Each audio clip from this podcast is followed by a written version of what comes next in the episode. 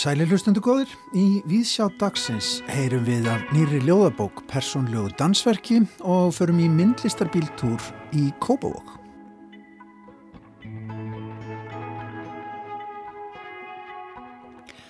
Á förstu dag frumsýnir Inga Maren Rúnarsdóttir í samstarfið Íslenska dansflokkin verkið Kvíla sprungur í borgarleikusinu. Í verkinu dansa fjórir dansarar í sviðsmynd sem unnin er af Júlíunu Lárus Stengrimsdóttur upp úr starðarinnar landslagsljósmyndum eftir Rax. Höfundurinn lýsir verkinu sem mjög persónlegu en hún byggir það í samstarfi við dansarana á eigin lífsreynslu. Við heyrum að verkinu Kvíla sprungur og vinnuðaferðum höfundar hér undir lokþáttar. Förum líka í dag í myndlistar bíltúr, gerum það ekki á hverjum degi hér í þættinum. Við ætlum í bíltúr með Kristínu Gunnlaugsdóttur, myndlistakonum. Hún sýnir neon abstrakt málverk í myrkuðu í-galleríi í Hamraborg í Kópavói og svo síning er reyndar spekluð niður í glugga í húsi við hverfiskötu í Reykjavík. Þetta er myndlist fyrir rúndin, við förum á rúndin með Kristínu hér eftir stuttastund. Og Gauti Kristmansson segir sína skoðun á ljóðabók sem að kom út í desember á Asklimum Ernir Sitja eftir Mattias Jónesen. En fyrst skulum við fá rödd úr sapni Ríkisútarsins. Mr. Chairman, ladies and gentlemen, great was my admiration in listening to the remarks addressed to the youth of Ireland a moment since by my learned friend. It seemed to me that I had been transported into a country far away from this country, into an age remote from this age, that I stood in ancient Egypt, and that I was listening to the speech of a high priest of that land, addressed to the youthful Moses. Þannig heyrðum við í Íska skáldinu og reythöndunum James Joyce En um þessar myndir eru hundrað ár síðan að frægasta skaldsaga James Joyce, Odyssefur, Ulysses kom út í einni heilt árið 1922 í París. Odyssefur eru auðvitað talin verið en helsta skaldsaga 20. aldarinnar og áhrifa mikil, mjög gaman að heyra. Skaldið lesa þarna í þessari brakandi upptöku. Já, þetta var skemmtilegt yngripp úr fortíðinni. Já. En uh, við ætlum á alltaf að slóði núna, við ætlum í bíltúr.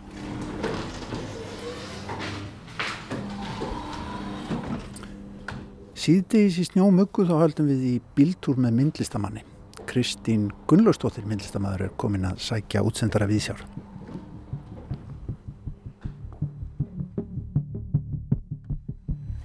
Sæl og blessuð. Góðan daginn. Góðan daginn. Bara fæði maður að segja sæti. Algjörlega, erum við að fara í bíltúr? Já, það er bíltúr. Já. Ekki spurning. Og ég á að geta gert 21. Já, já, þú allavega, já, hugsaði samt aðalega um að kera. Já. Kristín, við ætlum að fara inn í Kópá eftir, en hvert líkur leiðin fyrst? Við ætlum fyrst að fara á hverfiskutuna, hverfiskutu 37 nána tiltekið, að skoða svona spegla síningu litla sem er um, speigla síningunni sem ég með í Kópavogi í Ygaleri. Já, hann að einn síning, hún, hún speglar aðra. Það má segja það. Það sem það er eiga sameigilegt er um, meðal annars eh, tvennt og það er það að það eru báðar upplýstar með svo kvöldum blacklight-ljósum. þar sem að litirnir í verkonum breytast og verða svona neonskærir eða sumir detta bara hreinlega niður og verða bara gráir eða, eða fölleitir.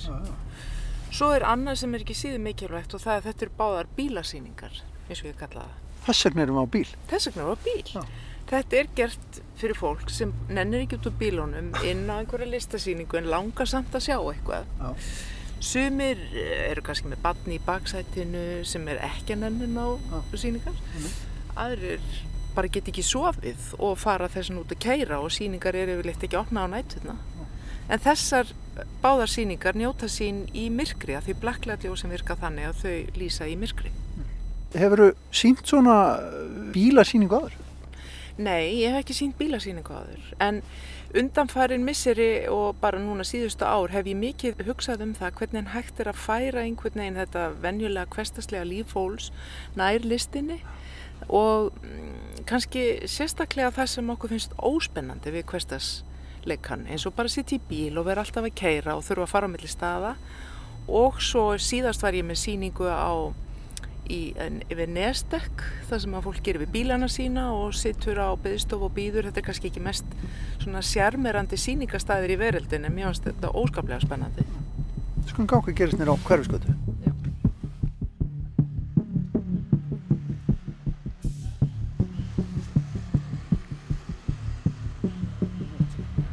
Við ætlum að reyna að stoppa hérna lauslega við til þess að sjá þessa síning, eða þennan hluta síningarnar. Þú horfir á þetta sem speiklun, þú eiginlega bætir þessari síningu eða þessum hluta síningarnar við Já. eftir að opna í Kópói.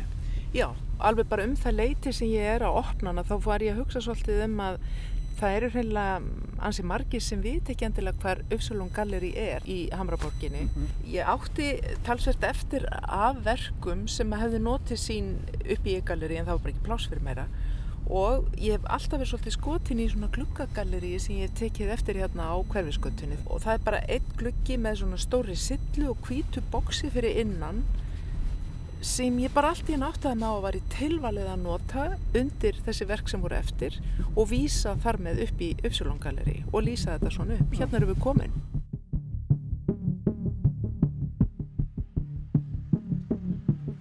Hér erum við komin að gluggagalleríinu hans Snæja Jack. Það er vinnu minn sem býr hérna í þessari íbúð sem er fyrir aftan gluggagallerið. Við sjáum uh, þennan fjólubjarma sem nýtið sem vel á grænu húsinu, fjólubláminn af blacklight ljósunum lísuna út á göttuna og fyrir innan er, eru nýverk sem ég hef bara gert núna rétt fyrir jólinn og í, í haust, óljumálverk og svo stjálst ég til þess að nota eitt verk sem er unni með eggtempuru og er frá svona mínum gamla tíma eða frá 1996 að tveimur köllum að pissa í kross Hvaða kallar eru það? Þetta var bara þetta myndmál sem ég notaði svo mikið á þessum tíma. Það voru svona uh, androgynous týpur eða kynlausar verur kallar þarna bláir með vangi sem eru bara að gera eitthvað sem er svo, í svo litilega andstöðu við uh, vangina.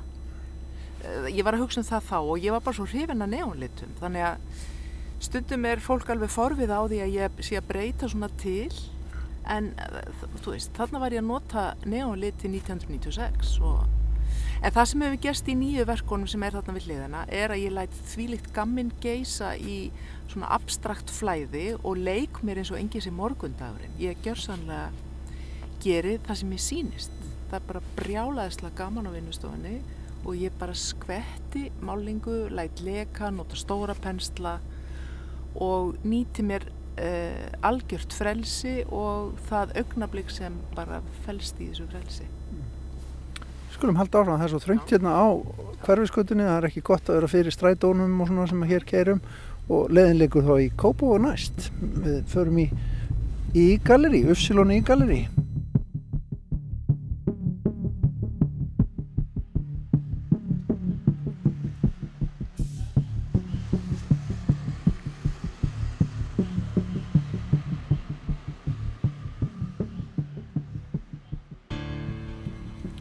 Kristi, nú keirum við hérna inn í Hamraborgina, það er bara hannig og upp að í galleríi og hér tekur á mótu okkur helviti mikið neonljósa sjó. Já, hér sést þetta svona einna best, bara fyrir enda gluggan á galleríinu, það er ekki alltaf allir sem átt að segja á því að það þarf að ganga fyrir endan eða keira hérna fyrir framann uh, bensinstöðarna. Sumir hafa haldið að þetta væri bara lokað af því það eru byrðir uh, gluggarnir en við gerðum þetta svona því það er ansi öllu lýsing í kringum bensinstöðuna sem þarf að gera það af svo að neonið og blacklighti fá að njóta sín. Mm. En þetta er sambland af eh, málverkum, oljumálverkum ástrega, nýjum og síðan uh, slettumálverkum á svona tré uh, spítur sem átt að henda og ég bara hýrti til þessa brúks að leika mig með þetta Verkin eru samt öll málu þannig, jú þannig glittir í fullta glimmeri, sér ég með blátt og, og silfurlita glimmera því ég nota það talsvert í verkonum, mm. svona almennt.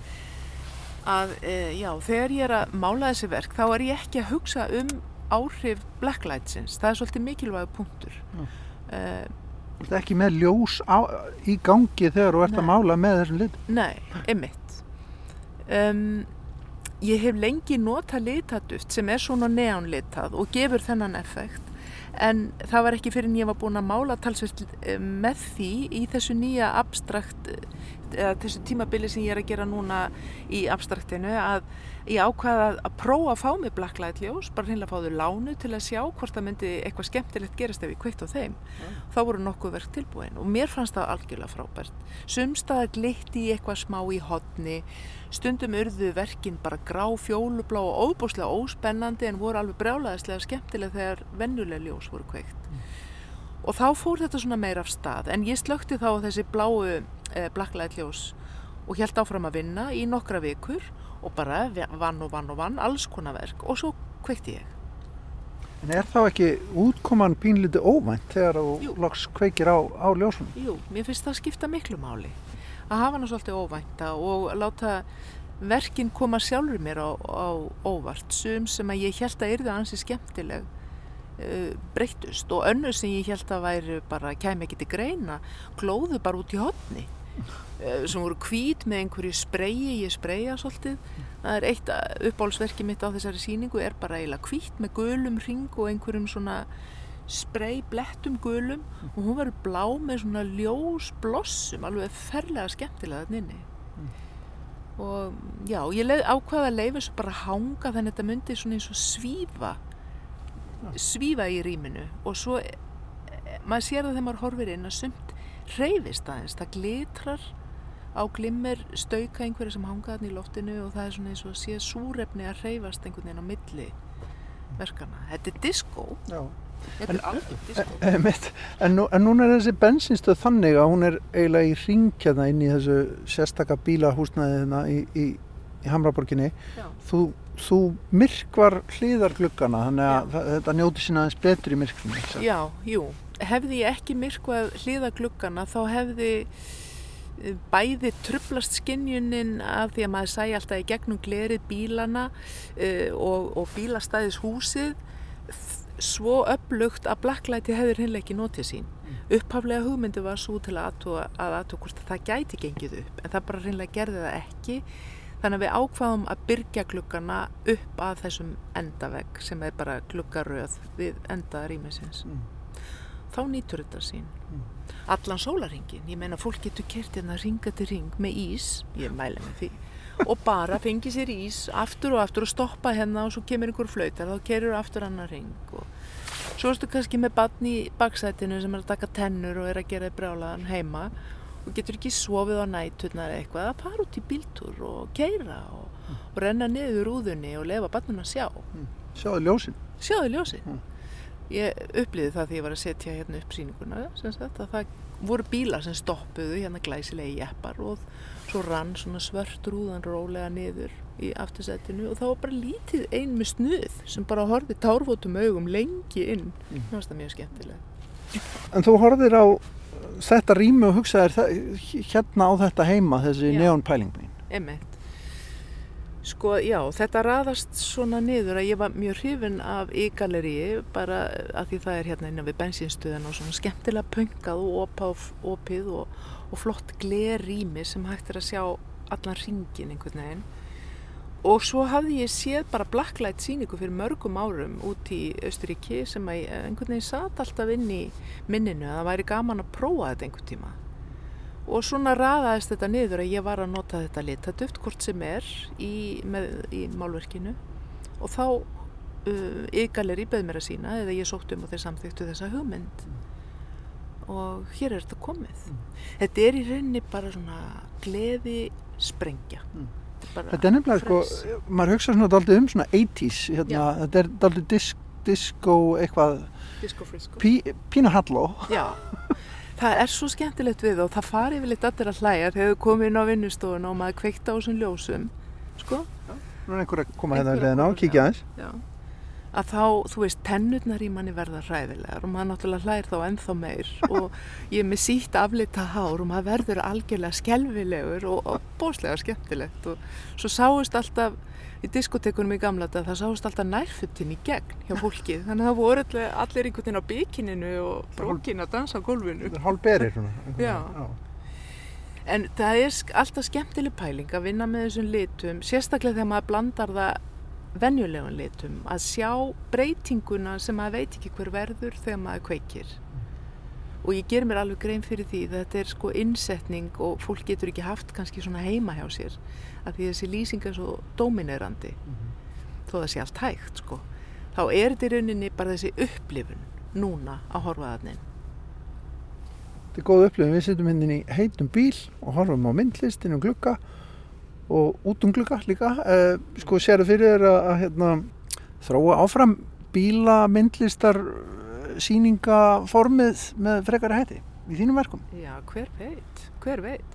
Þetta er svona samt þetta er rosa langt gengi hjá mig með þessa bílasýningu. Það er raunverulega hægt að keira og ekki stoppa snúa bara höfðinu liftusnögg til hægri, passa að það fór ekki hálslinum taka þetta inn og halda fram að keira gera þeirri betur bara drífa þetta af. Drífa þetta af. Það er að skvilla mér aftur upp í útvarp, Kristi Gerið það. Takk kærlega fyrir spjalluð og takk fyrir bíltúrin þetta er hérna forvittnilegt að að rúla hérna í Kóbóin og skoða í, í galleri þessu skemmtilega galleri við höldum áfram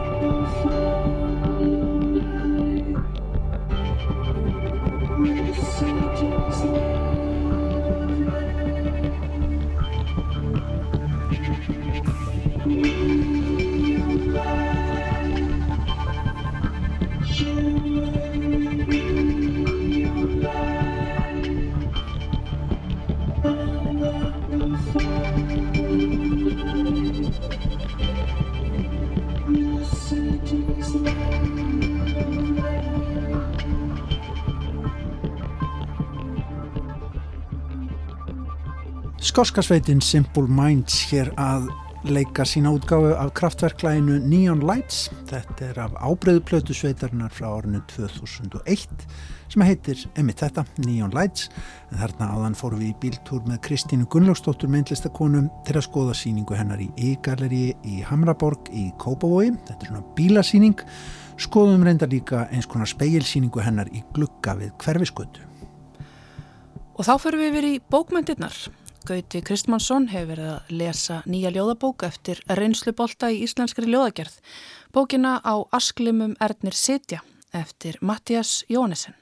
Tilvistartóm er orð í þessari nýjustu ljóðabók Mattiasar Jónesen og það er töluvert um tómleika tilverunar í henni. Þótt ekki sé beinlinn sem tómhyggjað að ræða. Komið á efri ár á týraðis aldur, horfir skaldistundum um auksl, til æsku ára, til sögunar og ástarinnar sem áður var og er. Þau eru fáskáldin sem ná að yrkjast líkum krafti á þessum aldri, higg ég. Fæst er að ná honum yfirleitt. Lífslíkur okkar eru almennt ekki nema eitthvað fram á nýju áratýi. En skáldi stendur hér keitt og skrifar ekki einungis um fortíðina, heldur einnig samtíman og jafnvel framtíðina. Ekki hans eigin, heldur jarðarinnar og lífsins á henni. Mattias er að mörguleiti á kunnugum slóðum sínum slóðum, en skapa samt sem áður nýjar sínir, nýjar aðtuganir með sínum hætti. Náttúran, Íslands landslag, fugglar, jöklar, eldfjöll og öldur hafsins byrtast eins og myndir sem alltaf eru öðruvísi, jafnvel þó tekna sí á sömu stöðum. Vísanir til ljóðskálda heimsbókmentana eru ófáar og meiri sé Hemingways á einum stað. Mattias er í samtala við bókmentir fyrir tíma og gerir jafnvel upp við þær eins og aðverður komið á eftir. En hann byrjar á heims ósámálegri vísun í völusbá og í samtíman, óbeintað minnstakosti, hopandi jöklar síkt jörð, retorisk spurning völvunar. Vitu þér enn eða hvað? Og spyr svo áfram, hvort örd flýgur yfir, hvort jörð rýsi aftur, yðja græn. Í næstu erindum eru örlögin einhvern veginn ráðinn. Við horfum um auksl og örlög okkar vaksa af spórum þeirra sem eitt sinn voru en ekki lengur. Þannig bregður öld við aðra. Svart síni í öskumóðuræði séðan ríkim í öðrum hluta ljóðsins og í þeim þriðja bregði fyrir háði þegar mannkynnið er óbeint borið saman við apan sem ekkert hugsa um dauðan eða tilvistartómið, ekki heldur vinnuna því að hann livði eins og fugglar heiminsins. Nánast óður til værukerðar hins einfalda lífs dýra merkurinnar. Fjóriði hlutin hefst síðan á samtali við höldurlinn um æskuna og endar í þremur formbundnum erindum um sárasta söknuðin. Þú varst allt sem örlög mín vildu og einmannans þögn við mitt brjóst og nú er ég eitt því ósköp mín skildu við æfina þegar þú fóst. Í ljóðinni Drengurinn rifja ljóðmælandi upp minningu drengs frá strísárunum hvernig fadur hans sett upp kort af Sovjetríkjunum til að fylgjast með framgangi rauða hersins sem endaði jú í nýju köldustríði. Eftirþangin í lokin vísa síðan til byrtings Voltaires þar sem ljóðmælandin sér eftir að hafi ekki ræktað gardinsinn. Ljóðið undirstrykkar ófyrir sjáanleika lífsins, anspæni sögunni, þar sem við erum einungis leiksoppar á öldum. Skáldið fyrir oftar en einu sinni frá einstökum ljóðmælanda til hérna almennu ef svo máðu orði komast. Personlega reynsla eða upplifun snýst yfir í sameinlega reynslu með fornöfnum í flirtölu. Ljóðið að sólarfalli fer fyrst yfir hvernig vestursólinn, þar sem hún gengur jú til viðar, minni ljóðmælanda á ástina og síðan á höstið og feyðina. Skiptir síðan yfir í náttúröflin, eldfjöllin og jarðskjáltana í samtímanum eins og í næsta ljóði sem snýst um eldgósið í Fagradalsfjalli en býr til mynd sem stendur framar flestum þeirra sem við sáum á samfélagsmiðlum.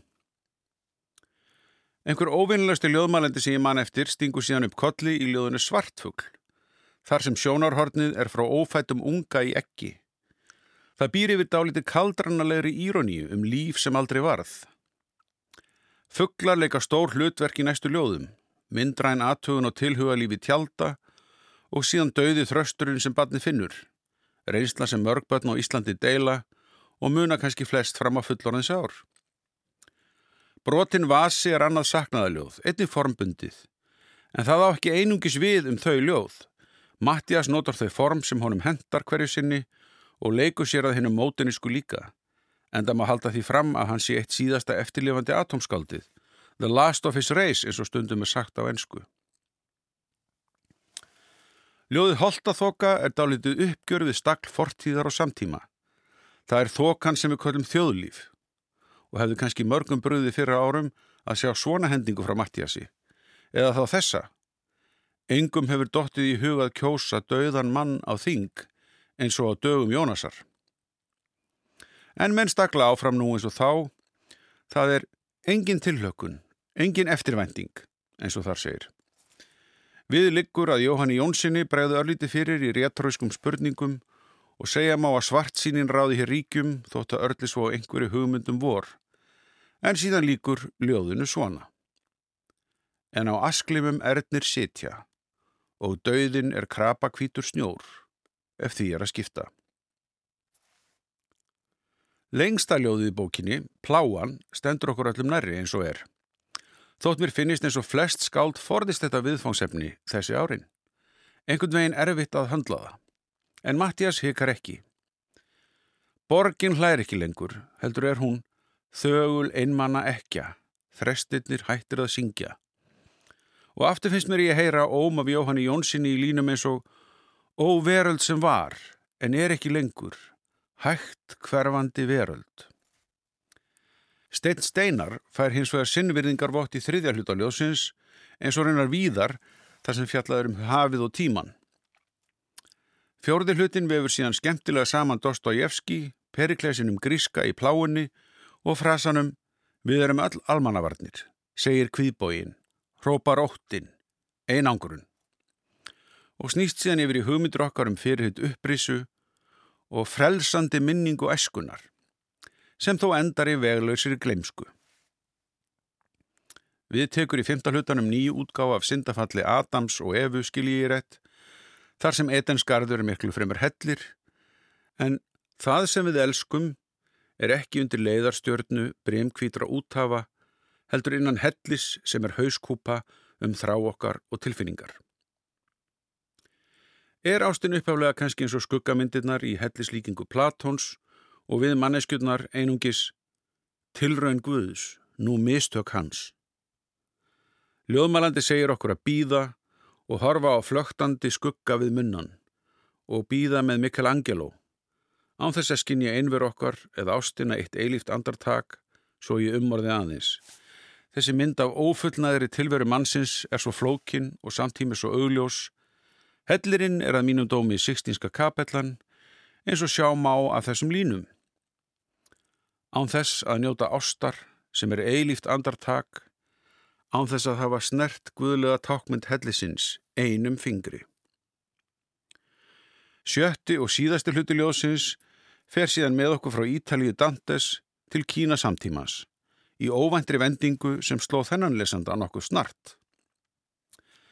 Ljóðin sem á eftir fylgja eru samtölu við listamenn eins og Óvít, Whitman, Blíkjær, Baudelaire, Önnu Akmatovu, Ósip Mandelstam og Tennyson, mikil skald. En síðan kemur að tveimur skaldum í ljóðinu að ragnarökkum, að romantískum skaldum og listamannum sem hafa stjórnað þessari helfur. Og er það rátt við þá Stalin og Má, en skaldið minnur okkur hér á að skaldskapurinn felur ekki endilega í sinina manngesku, þvert að móti.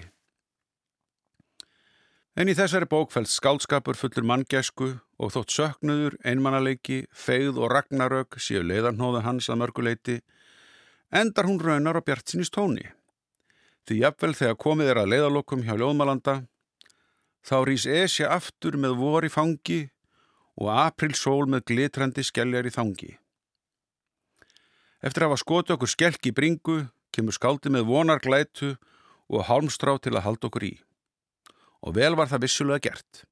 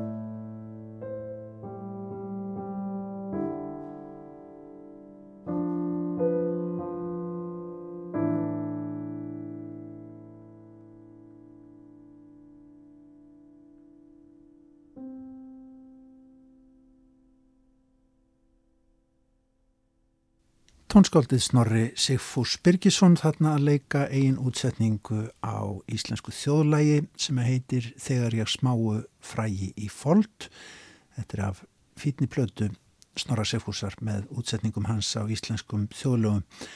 Á eftir orðum Gauta Krismanssonar um ljóðabók Mattiasar Jóhansen sem heitir Á asklimum Ernir Sitja.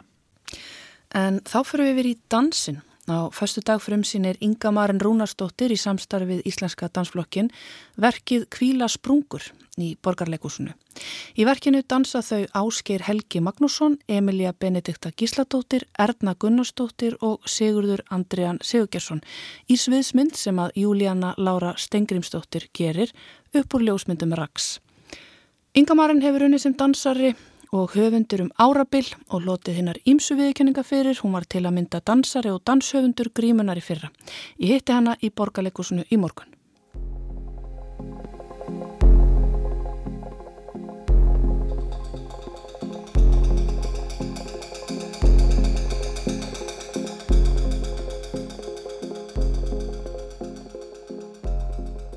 Við hverjum hefur búast? Hvað munu áhöröndur sjá á sviðinu þegar tjaldið dregst frá á förstu dag? Það er spurningast að mig sko varpa að segja alveg frá, maður vill ekki skemma upplifuna þannig að ég ætla að tala svona uh, í aðeins í kringum það. En hérna það verður allavega sviðsmynd og það verður uh, uh, það verður dansarar. En hérna en hérna já, ég er sem sagt ákvað að notast við myndir frá Rags í verkinu uh, sá fyrir mér að það er þið hérna, stórar myndir og ég vissi náttúrulega ekkert. Fyrst er maður að byrja að hugsa svona það er svona, hugsa ég, er þetta hægt? Veist, verður þetta flott? og allt þetta veist, það kom bara einhverja hugmyndir og svo vanlega fer ég að segja við Júlíana, Júlíana uh, ég fekk hugmynd. Hvernig, þú veist, er hægt, að, er hægt að gera þetta? Hvernig er hægt að gera þetta? Og þá byrjar hún að grúska. Mm -hmm. og hérna og, og vanlega gerir hugmyndunar uh, betri og jú, þetta var sem sagt hægt og hérna þökk sé náttúrulega frábærum ljósmyndara og, og, og hérna sem er með þannig vinnubrauð að hann tekur ljósmyndunar í svo góðum gæðum það er stækkaðir mikið og, mm -hmm. og þetta bara svinvirkaði og var þetta bara rosa skemmtilegt mm -hmm. um, þetta er svona landslag af ljósmyndum sem við erum að notast við og já Þannig að við tókum svona okkur tími að velja myndir og hvað myndi henda best fyrir okkur það sem við vorum að reyna að gera því hann er alltaf búin að taka alveg gríðarlega marga myndir og var mjög gafmyndir og, og hérna leiði okkur að velja úr hundruðum mynda get ég sagt þér. En hérna við lendum á góðum stað. Mm -hmm. Þannig að þetta eru, sagt, þetta eru fjóri dansarar sem er að dansa inn í myndum raks um, og sviðsmyndin spila greinlega mjög stórt hlutverk því Júlíana hafi unni áður saman, eða ekki? Jú, við höfum unni, sko við reynverulega höfum unni marg sinni sáðu saman en þá, þegar við byrjum að vinna saman þá voru við og ég man ekki svona hvað við gerum fyrst saman en það var hérna í samstarfi við eh, annað fólk og einhvern tíma voru að grúski að gera sko stuttmyndir saman með hérna Þór Hilmars eh, og já, við vorum mikið með Áskeri og Litju Gretars um, þannig að við hefum grúskað mikið saman. En svo byrjuðum við svona tvær sem svona hérna duett eða eitthvað um, það, þegar mér langaði að prófa að vera svona einað semja. Mm -hmm. og þá talaði ég við hanna og við gerðum æfi sem var solo hjá mér. Og síðan uh, gerðum við fengum við annað tækifæri til þess að gera og þá gerðum við badnaverk og það var rauninni hugmynd að, að sko sögu sem ég er enda búin að skrifa núna. Það er ekki komin út samt. En hérna þá var ég ekki búin að skrifa hana en ég var að segja Júlínu frá þessari sögu í fljóvel á leðinu frá Cannes. Þá hefðu við verið að sína annað verk sem við gerðum og hérna var bara henni frá sögu sem ég ætlaði að skrifa sko, badnasögu og þá sagði hún mér en heyrði, þetta er eiginlega frábært sviðsverk. Mér langar að gera sviðsmynd við þetta getum gert það mm. en svo liðið samt fimm ár þar til veist, það gerðist sko. mm. uh, og svo bara einhvern veginn já hefur boltin blessunlega haldið áfram að rúla við erum komnar að gera þetta verkefni og, og svona vonumst til að fá, fá að gera meira, það eru komnar fleiri humdi sko. mm -hmm. Ykkar samstarf hefur allavega verið mjög farsælt það hefur lotið margar viðkenningar og velun fyrir ykkar störf en er þetta ekki líka oft svona þegar maður færi hugmynd í eiginlega hvaða listum sem er, þær eru svo lengi að meldast og verða til. Oft tekur það mörg, mörg ár frá fyrstu hugmynd þangað til hún verður að veruleika. Hvernig var það með þetta verk? Jú, þetta er alveg rétt. Uh, oft eru hugmyndina lengi að gerjast. Uh, með þetta verk, það, jú, það er alveg, allavega komin tvö ár síðan hugmyndin byrtist um, og þurfti svolítið, ég þurfti svolítið mikið að pæla í henni að ég vissi ekki hvernig var best að setja fram. Að þetta var uppálega mjög svona persónlegt mál og ég hef engan áhuga á, og ég held að enginn hafa áhuga að setja það beint á svið en þetta er samt svona málefni sem að margir glýma við. Og ef maður tekur það og setur það svona alm, í meira almenna formúlu sem að margir geta tengt við um, þá fannst mér það áhugavert.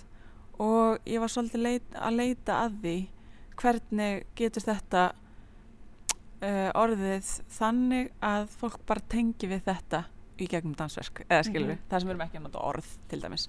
Einmitt, án þess að það sé þín eigin bara persónulega saga, þú vilt gera hana svona, já, almennari. Mm. Um, þá verður að segja mér að hlustendum frá því um hvað þetta fjallar og hvaða málefni þetta takast á við. Já, einmitt, ég er svona búin að komast upp með að fara hérna í nokkur viðtil en ég hef ekkert svona lagt ekkert öll spilin á borðið en uh, ég gerði það reyndar að hluta til með dansurunum. Uh, mjög snemma í ferlinu uh, þá sagði ég þeim bara, ég var í rauninni bara þú veist kannski tvo tíma að tala áður en við byrjum að dansa. Ég þurfti svo rosalega mikið að útskýra fyrir veist, mína nálgun að þessu málefni og það sem ég bauði um svo að gera var uh, að uh, finna sjálf eitthvað sem þau tengdu við þau þurft, eða, mér finnst það bara skemmtilegra. Og til þess að aðstokka við það þá skrifum við texta því ég hef gaman að texta vinnu og við notum sko í einu læginu í verkinu, það er hérna Quadrantines 3 þar er svona orðaflaumur eftir Harald Jónsson sem er uh, orð bara sem lýsa tilfinning, tilfinningum bara mm. heil haugur af þeim og hérna þannig að uh, ég var svona að reyna að sjá hvort við vildum nota þau í verkinu þau eru ekki notuð uh, töluð en þau eru rosa sterkur grunnur fyrir sérstaklega einn part í verkinu þar sem að þau, sem sagt dansaðnir já, skrifiðu svona hugviki frá þeim persónulega bara og uh, svo þurftu að styðjast við þessu orði já, þetta var svona mm -hmm. bara svolítið langt verðli en, en hérna, en að endingu þá, þá þurftu enginn að deila sinni sögu og ég deildi reynu bara hluta minni sögu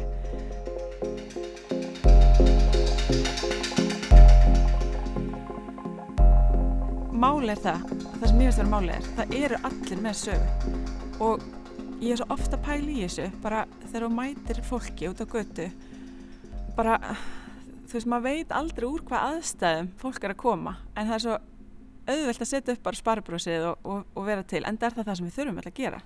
Og mér finnst það vera svo áhugavert að við erum öll, allan daginn í einhverju svona stundum er þetta svona eins og autopilot þú fer bara í vinnuna en og veist og margir kannast við þetta þegar það er að keira heim og vinnu. Þú ert ekki á leðinni heim en þú er samt komin á því þú sónaðir út á leðinni og þetta er són, hvað er þetta? Þannig að mér finnst þetta skemmtilegt mér langaði að skoða þetta og síðan þegar fólk brýst út úr sónunu þegar dagurinn kemur sem að þú þú bara virkar ekki í, lengur í þessu sóni þú meikar ekki ennan dag. Og hvað gerst þá? Uh, og hvað varð til þess? Og það er svona ákveðna tengingar veist, eins og í, í vinnuferli sem ég fór í gegnum með sálfræðingi þá þá er maður leitist að finna svona tengingar. Hvað var það sem allir því að þér líði svona í dag? Að því að margsinist að veit fólk ekki. Að því líðir einhvern veginn. Af því að mm -hmm. uh, eitthvað gerðist. Og, og ég, ég man eftir því að ég var eitthvað með sálfræðingi og ég eitthvað, ég veit ekki hvað gerðist. Þá þurftum við að fara í gegnum daginn. Jú, það var þannig að þetta mm -hmm. þú veist, þetta er svo djúft grafið oft. Og það er, þú veist, máli með hérna nafnið, kvílasprungur það er nefnilega þannig höllum það er engin eitthvað bara með slétt landslag fyrir fram að sig og bara eitthvað mm -hmm. ég ætla bara að valhópa hér um og það er ekkert að mér, það er bara engin annir um, nú er ég aftur búin að koma mér undan að svara Nákvæmlega, málefnið hefur ekki ennþá verið nefnt og nafn en það kannski skiptur ekki allir máli við erum hérna að tala um einhvers konar erfiða lífsreynslu sem að þú deilir með dansörunum þetta er mjög mm. áhugavert vinnuferli mm. og kannski eitthvað sem þú lært í þessum sálfræðitímum sem þú nefnir mm. og einmitt áhugavert að Já, við erum auðvitað öll brótætt með sprungur og, en mm. oft er yfirborðið slétt, mm. það fennir yfir sprungunar og við sjáum það ekki, kvítar, mm. já, maður sér fyrir sig kvítar sprungur kannski, kvíla sprungur, eh, kemur þetta frá þér? Ok, þetta var nefnilega, þetta átti fyrst að heita annað, en eh, nafnið bar sama títil og annaverk í húsinu, svo þetta gekk ekki upp. Og fyrst voru báðir aðeinar eitthvað, nei, ég get ekki breytt, mitt, passa svo vel fyrir mitt. Og en hérna ég endaði að hugsa já já, ég leggst undir felt ég gefst upp, ég get kannski alveg breytt þessu. Og hérna uh, við vorum sko að keira uh, eh, til Akureyra fjölskyldan í sömar í fjallslendinu. Og þar fór ég bara stað og ég ger þetta gætnan, ef maður er með að keira mér þetta æðislegt, þá er ég svona ofta eitthvað svona að skrifa eitthvað niður. Og ég bara byrjaði að skrifa fullt af nöfnum og bara eitthvað svona var að hérna pæli í þessu hvað þetta gæti verið. Og þetta var nú í einhvers konar samtali við mannum minn eh, e, að því að hann segir, minnst þetta ekki flott, minnst þetta flott og þetta hefur það einhver áhrif. Um, hana, hérna en ég, ég áttaði mig á því að ég var svona, mér langar að þetta sé inn í miðri setningu, þetta sé ekki eitthvað svona eitt, mér langar að þetta sé aðeins svona óræðara bara eins og það sem gerist þegar þú brotnar eða ert í lífinu þú ert ekkert endilega á byrjun að enda. Þú ert einhvern veginn oft bara í miðju einhverju kafi. Þannig að mér langaði að finna eitthvað sem að sem að væri þannig titill. Þannig að mhm. fyrst fannst mér hann í rauninni sjálf pínu skrítin en nú elska ég hann og, og það er eh, búið að gerast, maður vennst þessu og svo vennst maður því sem maður velur, þú veist og hérna, ég sátt, ég sátt við henni í dag sko. Mm -hmm. þó ég þurfti að breyta upphæflega nafninu á verkinu. Tilfinningin er einmitt aldrei svo að uh, þetta sé innan úr ljóði. Já, uh, ég mér finnst nefnilega mjög gaman að skrifa ljóð eitthvað upplöstur af það en hérna ekkert að byrstaði en, en jú, mér finnst mjög gaman að skrifa ljóð og hérna gera það gerðnan í vinnuferli. Um, það finnst mér alltaf þurfa að skrifa einhvern texta og stundum byrstist hann í síningarskrána mínum eða netin eða eitthvað og stundum ekki, sömu texti fer út og sömu annar ekki. En já, ég vinn svolítið með það og, og mér finnst þetta bara já, vera svona eitthvað miðjan á einhverju. Þetta er greinlega mjög persónlegt verk. Já, Já. og hérna, ég er náttúrulega kannski, þegar maður lendir í einhverju sem hefur svona djúb áhrif á mann, það er maður að fara að bera það allæfi. Það, það kemur ekki dagurinn, ok, nú þarf ekki að pæla þessu lengur, þú ert bara, en maður verður ógislega góður að vinna með þetta ef maður æfir sig. Og ég er svo þannig að ég þarf oft mikið að tala og svona segja. Og svo þegar að koma svona bara kemur að einhvern stað, koma einhverja myndir upp í höfum ég held að þetta sé fyrir mig svona bara ferli til þess að losa mig ennþá meira. Eða sættast, já ég veit ekki alveg. Já þetta er svona e-, einhvers konar losun. En svo vil ég samt ekki að þetta sé eitthvað ég er bara að losa mig við eitthvað, þetta er ekki þannig veist, þetta er ekkert nefn að hluta til fyrir mig að opna mig og líka til þess að segja ég, ég veit alveg, ég er ekki einn að klíma við eitthvað. Og mér langar svolítið að svona fólk almennt gæti átt að segja á því að það er ekki eitt að klíma við eitthvað. Þegar oft þegar maður er að klíma við eitthvað þá liður mann eins og maður sé svolítið einsamall í ferlinu. Mm. og ég man þegar ég var ef við tökum bara, þú veist, þegar ég átti fyrstu stelpunum mína meðast fæðingin var erfið. Uh, ég var stressuð að fara í aðra fæðingu og það sem ég var svo gott að hugsa var hversu margar konur er að eignast börn á einum degi. Veist, þær geta þetta, ég geta þetta við erum saman í þessu, eitthvað svona. Og svo langar mig að þú veist taka aðra hluti. Veist, þetta er svona hluti sem við vitum alltaf af og bara ótrúlega almennt að allir viti mm -hmm. þetta, mm -hmm. þetta er erfitt en við gerum þetta. Og við getum gert aðra erfiða hluti. Og það er kannski gott að hugsa um, þegar maður er í svona ok, það eru er fleiri að glýma við svona en ég reynum að hugsa til hvers annars eða eitthvað þannig. Mm -hmm. já. Já, algjörlega, ég skil hvort að fara og það er svona kannski viltu taka sjálfa þig út fyrir svega og gera verkið vinnaði með dansurunum og taka einhverja eina reynslu út fyrir svega og gera þetta fyrir eitthvað almennri upplifun. Já, mér fannst það og líka þess vegna langaði mig að, að bjóða dansorunum upp á að hugsa um sína eigin reynslu uh, og ég var ekki með hveða þau að deila reynslinni og þegar mm. ég vildi að þau myndu kafa djúft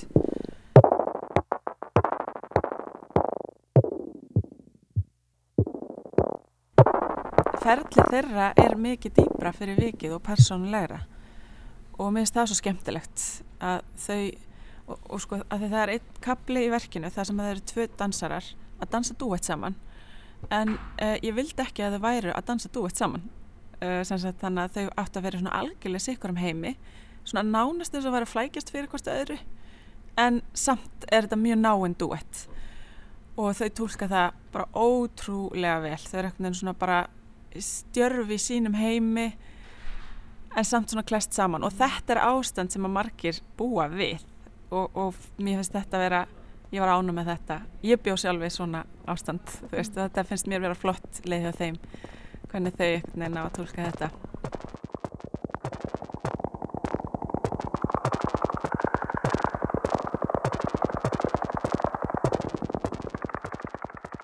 Mér langaði að fara svona í lokin aðeins meira út í þetta vinnuferli og kannski bara svona almennt þína leið að því sem dansarið. Þú hefur starfað um árabil sem dansari og höfundur og ert svona að fegra þig kannski alltaf nær því að vera sjálfstæðar höfundur eða hvað?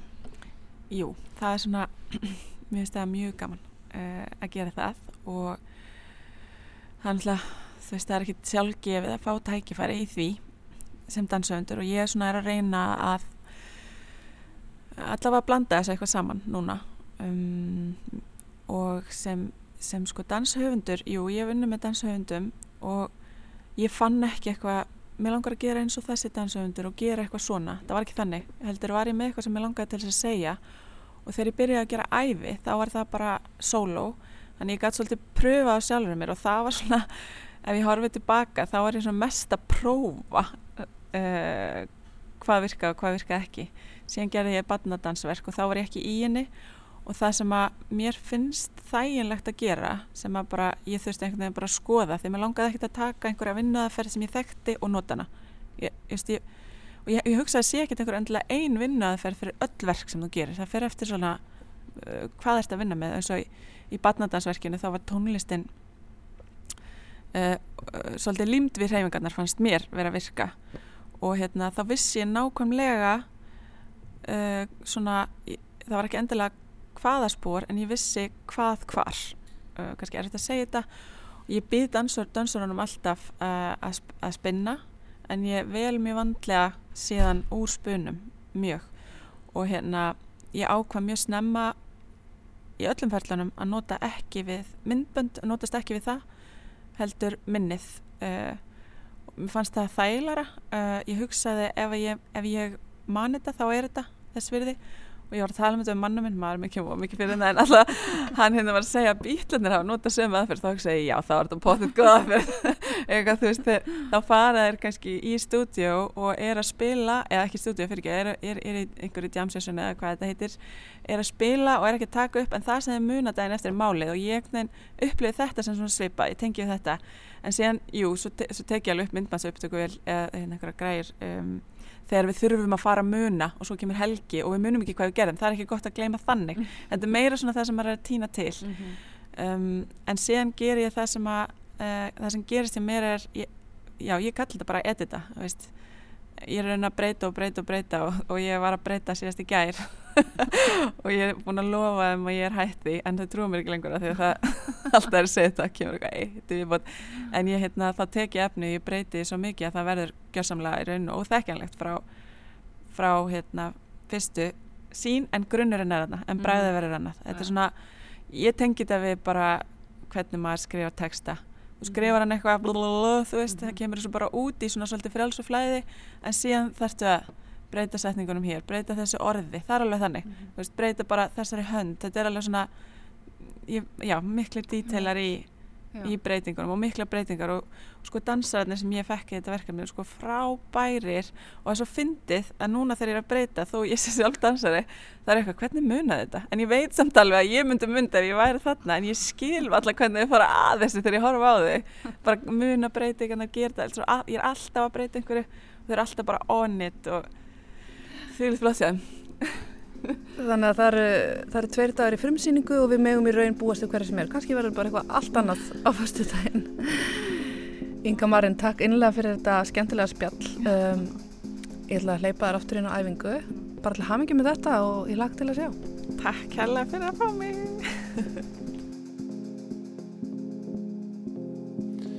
takk fyrir að vera með okkur hér í Víðsjá, Inga Maren Rúnarsdóttir sem að er að fara frum sína kvíla sprungur í borgarleikursunu. Við ljúkum þætti dagsins á tónlistur verkinu eftir Stefan Stefansen og Óttar Sæmundsen verðum hér aftur á morgun og ætlum þá að huga að Birgi Andrisinni myndist af hann í stórsýning með verkum hans á kjarvalstöðum. Já, heil þáttur undir hann á morgun en við hvaðum í dag. Takk fyrir að vera með okkur og verið sæl.